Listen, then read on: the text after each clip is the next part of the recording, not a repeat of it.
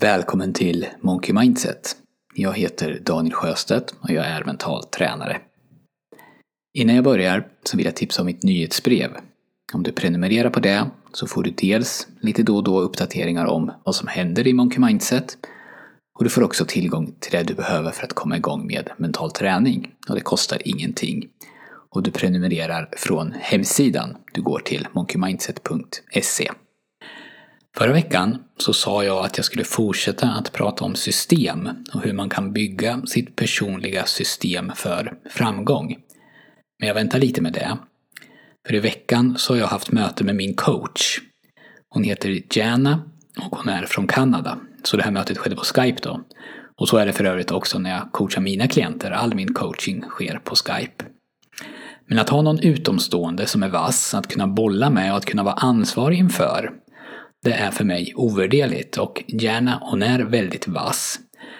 Och under lång tid nu så har jag varit nästan klar med min nya produkt, nästan klar att lansera. Men ju mer jag gör, desto mer märker jag är kvar att göra för att få det precis så som jag vill. Så viktiga saker på att göra-listan kommer till i lika snabb takt som jag bockar av dem, känns det som i alla fall.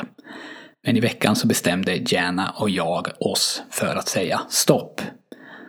Och så tog vi reda på vad jag behövde göra, alltså exakt vad jag behövde göra för att kunna lansera med det som jag har just nu. Konkreta saker då. Alltså sånt som att det behöver finnas en knapp som det står köp på, på min hemsida. Och den här knappen behöver ju vara kopplad till en betallösning och den som betalar behöver känna automatiskt få tillgång till produkten. Alltså sådana praktiska saker som behöver vara på plats. Och när vi var klara så hade vi en lista med fem punkter. Och om jag gör det som står på listan, alltså de här fem punkterna, så kan jag lansera.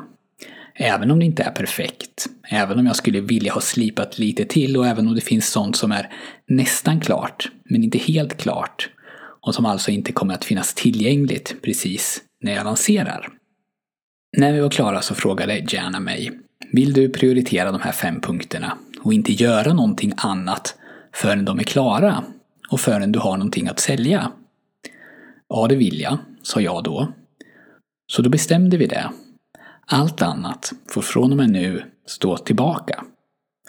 Varje avsnitt av den här podden tar ungefär en dag för mig att göra, ibland lite mer. Att skriva manus, att spela in, att redigera och att publicera. Och vanligtvis så gör jag det på helgerna. Men ett poddavsnitt, även om det är viktigt för mig, är ju inte med på listan. Så den här veckan kommer du att få lyssna till en repris. Det är ett avsnitt från 2016 och det handlar just om att prioritera. När listan med mina fem punkter är klara, jag tror att det kommer gå ganska fort, så lanserar jag. Då klickar jag på publicera-knappen och då skickar jag ut ett meddelande om det till er som prenumererar på nyhetsbrevet. Ha det bra till dess. Ta hand om dig själv och ta hand om dina kära.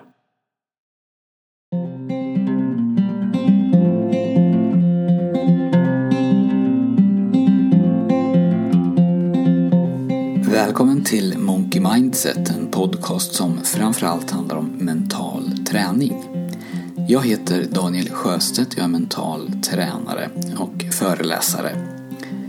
Dagens podd tangerar förra veckans en aning. För idag så kommer jag att prata om att prioritera. Det finns en historia som jag tycker mycket om och den berättas i boken Essentialism som är skriven av Greg McKeon och som jag rekommenderar väldigt högt. Historien handlar om en man som hade en chefsposition på ett företag i Silicon Valley. Han heter Sam Elliott.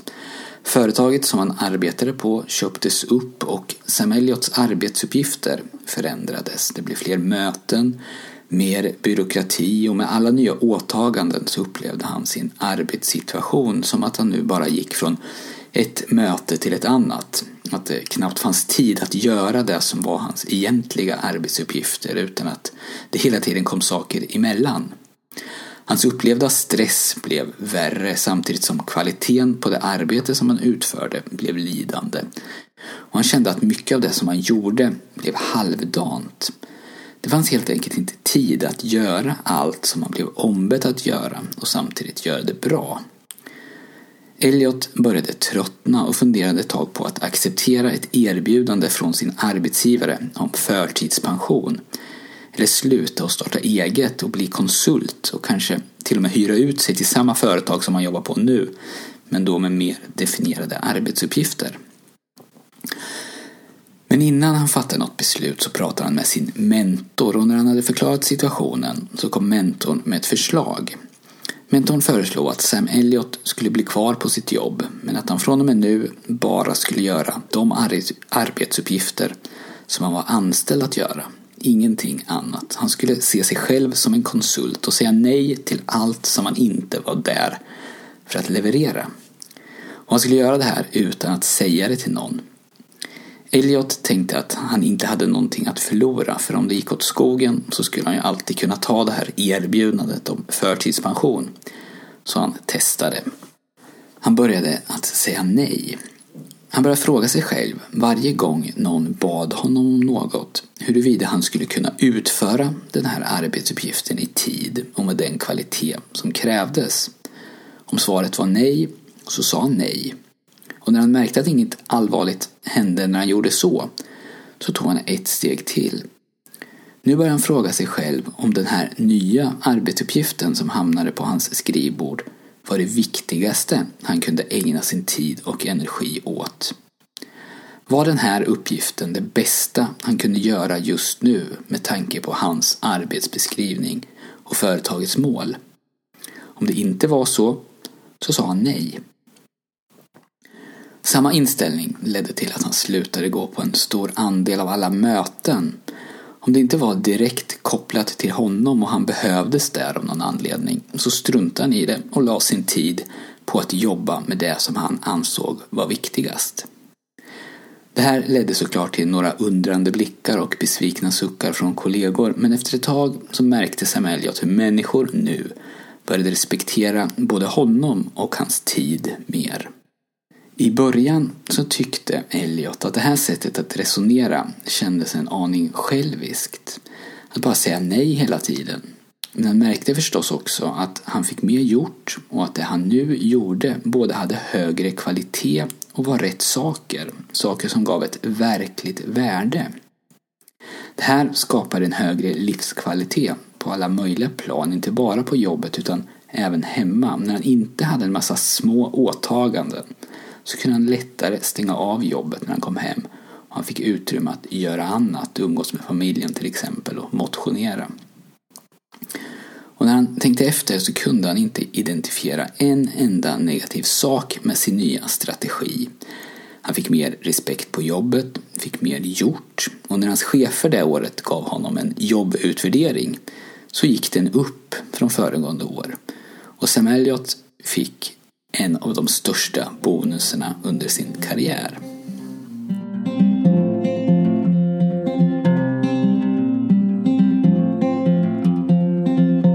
Vi är nog många som känner igen oss i den här situationen som Sam Elliot befann sig i.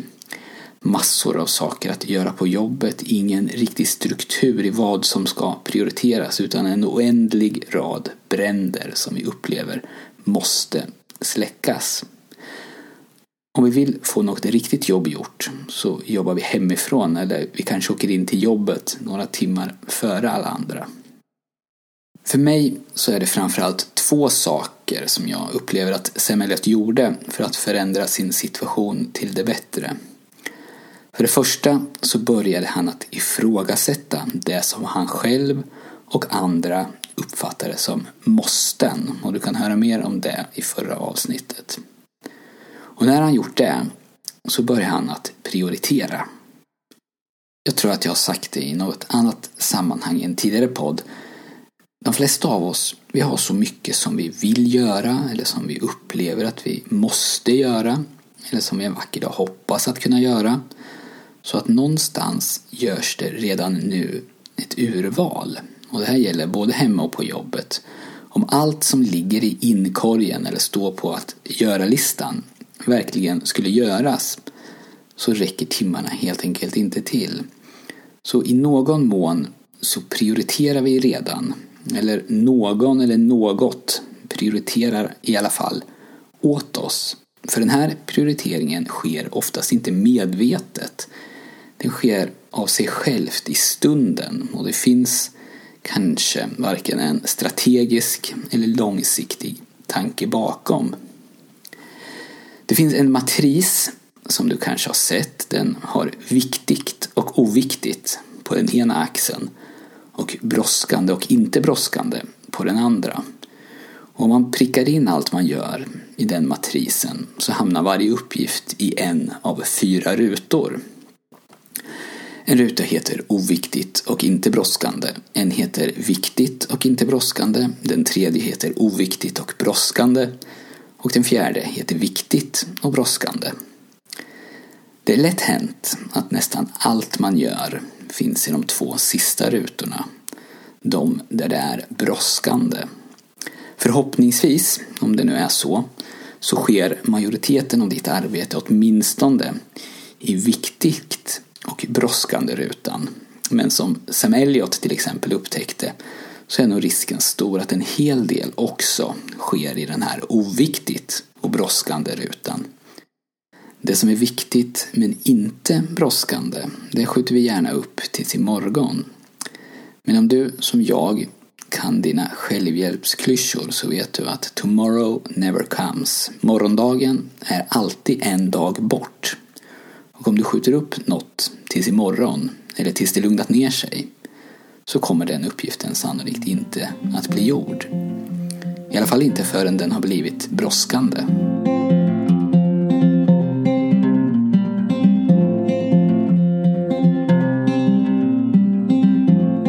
Och skälet till att vi kan fastna i den här rutan med saker som är brådskande men inte viktiga, det är att vi upplever saker som viktiga bara för att de råkar hända just precis nu. Slå upp valfri tidning och läs hur många politiska möten och avtal och annat som sker här och nu, som enligt artikelförfattaren eller den som presenterar det här avtalet är historiska. Och gå tillbaks och kolla sportsidorna till exempel från EM i fotboll eller OS i Rio och läs om alla historiska matcher, alla lopp eller tävlingar eller prestationer som var bäst någonsin.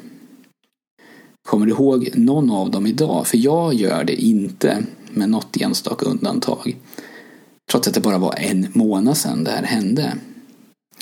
När vi är mitt uppe i händelserna så är det svårt att hålla ett nyktert perspektiv. Då sveps vi gärna med.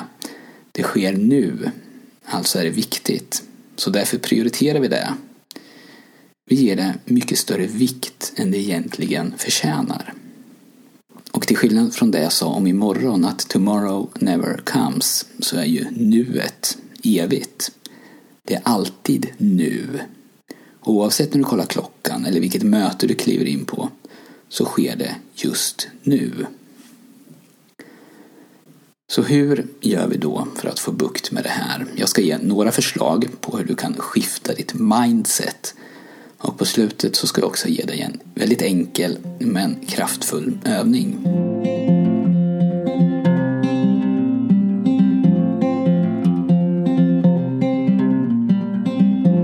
Det första jag vill ta upp det handlar om att du börjar prioritera och att du försöker i största möjliga mån göra det med lite perspektiv.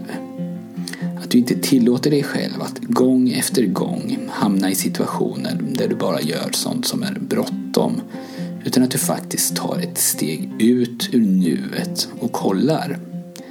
Är det här verkligen viktigast och vad händer om jag inte gör det? Vad händer om jag låter någon annan göra det?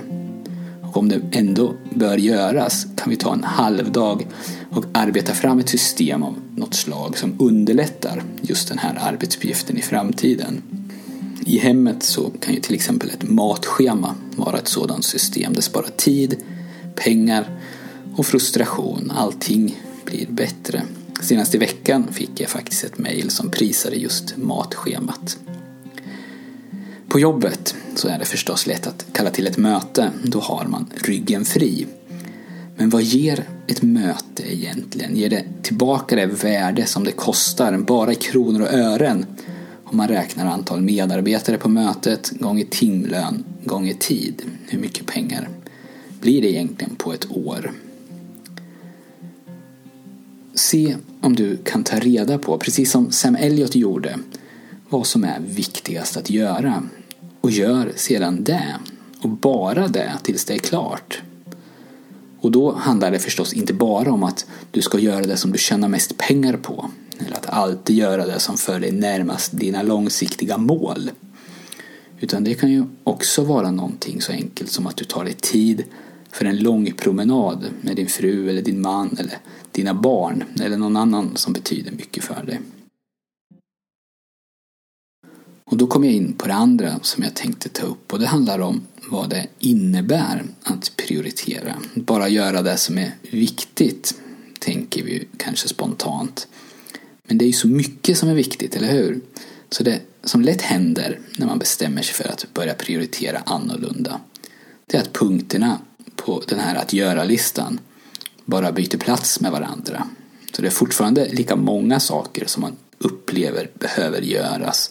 Man känner sig fortfarande otillräcklig, hinner fortfarande inte med. Går fortfarande omkring med den här olustiga känslan i magen av att alltid vara efter. Men att prioritera, det handlar ju inte om, eller det handlar åtminstone inte bara om, i vilken ordning vi ska göra våra viktiga uppgifter. Det handlar minst lika mycket om vad du ska välja bort.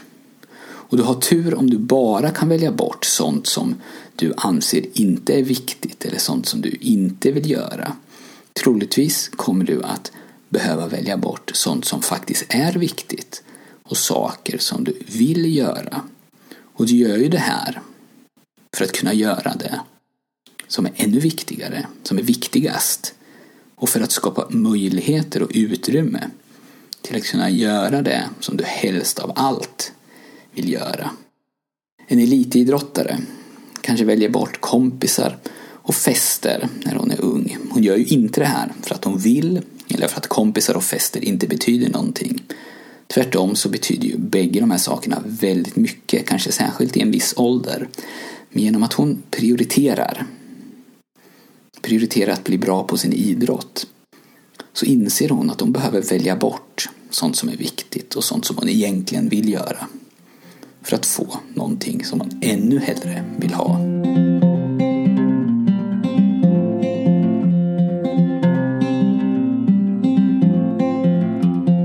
Det tredje som jag vill ta upp det handlar om omvärlden. Det finns nämligen en risk att du kommer att ses som ett hot om du börjar prioritera hårt. Om du gör som Sam Elliot till exempel och slutar att gå på möten och börjar säga nej till en massa saker så kommer det utan tvekan att börja snackas. Det kommer börja snackas om att du försöker komma undan eller att du glider runt på en räkmacka.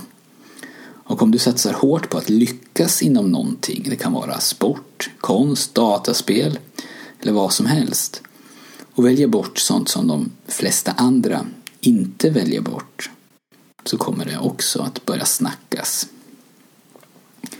Det finns en väldigt bra reklamfilm. Jag vet inte om den går längre men den handlar om alkohol. En chef pratar med sin medarbetare om alkohol. Och intrycket som man ska få det är att det handlar om att den här medarbetaren har problem med alkohol. Men efter ett tag så förstår man att problemet det är att de andra kollegorna provoceras av att den här personen inte dricker. Underligt nog så tenderar vi att känna oss hotade om någon väljer att leva sitt liv på ett annat sätt än vad vi gör. Jag vet inte riktigt varför det är så, men kanske så tolkar vi den här personens annorlunda livsval som kritik mot vårt eget livsval. Och jag ska inte analysera varför det är så, men det kan vara värt att ha i åtanke. För den här aspekten är inte oviktig och den gör det faktiskt ännu svårare att börja prioritera. Men, och det här blir det sista jag säger innan jag ger den här övningen, bara för att det är svårt så betyder det ju inte att du ska strunta i det. För jag skulle vilja säga att ju mer du prioriterar, ju fler saker och åtaganden som du väljer bort, desto mer kommer du att få gjort och desto mer tillfredsställelse kommer du att känna.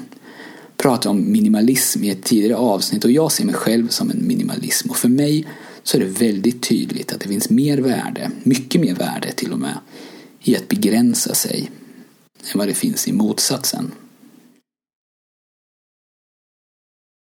Och nu till sist så kommer vi då till övningen. På engelska så kallas för AAAC, AAAC. Och en svensk översättning skulle vara eh, UTVP. Och till den så behöver du papper och penna och lite tid. En halvtimme kanske räcker, men det kan ta längre tid om du gör den på fullt allvar. Och om man är en grupp på jobbet så kan det här lätt vara en eftermiddag. Och den här övningen görs i olika steg och det blir bäst om man gör den steg för steg. Alltså att man först lyssnar, pausar och gör steg ett innan man lyssnar på steg två. Och jag har tagit den här övningen från en webbsida som heter fizzle.co F-I-Z-Z-L-E.co Och jag tror att den från början kommer från Warren Buffett som är en av världens rikaste män. Han är en investerare. Det första som du gör i den här övningen är att du skriver ner 25 saker som du helst vill uppnå de närmsta två åren. Det kan vara stort och smått och det kan handla både om ditt privatliv eller ditt jobb. Och om du är ett företag eller en egenföretagare så kan du skriva ner 25 saker som du vill uppnå i ditt företag. För vissa så kanske det är svårt att komma på 25 saker och andra kanske redan nu måste börja prioritera. Om du inte kommer upp i 25 saker så är det inte hela världen, men pausa nu och skriv ner de här 25 sakerna.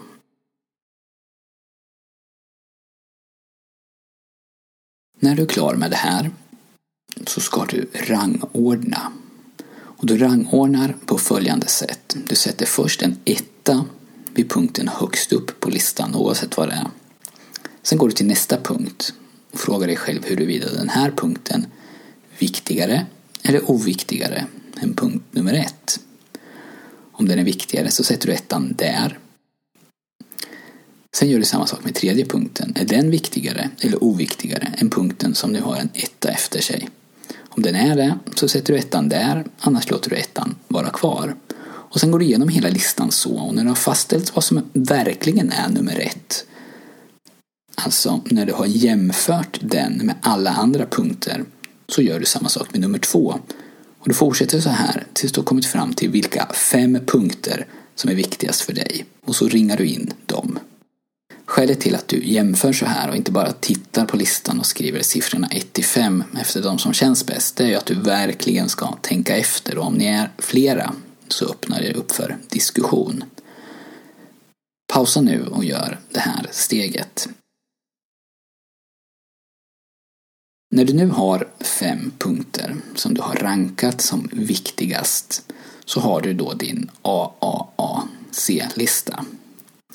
Och AAAC, det står för Avoid at all cost. På svenska undvik till varje pris. Och tanken med den här listan, den här prioriteringen som du precis har gjort, det är att du ska undvika de andra 20 punkterna, de som du inte ringar in till varje pris. Ta bort dem från ditt medvetande och inte förrän alla fem inringade saker på listan är klara så kan du göra någonting på någon av de andra 20.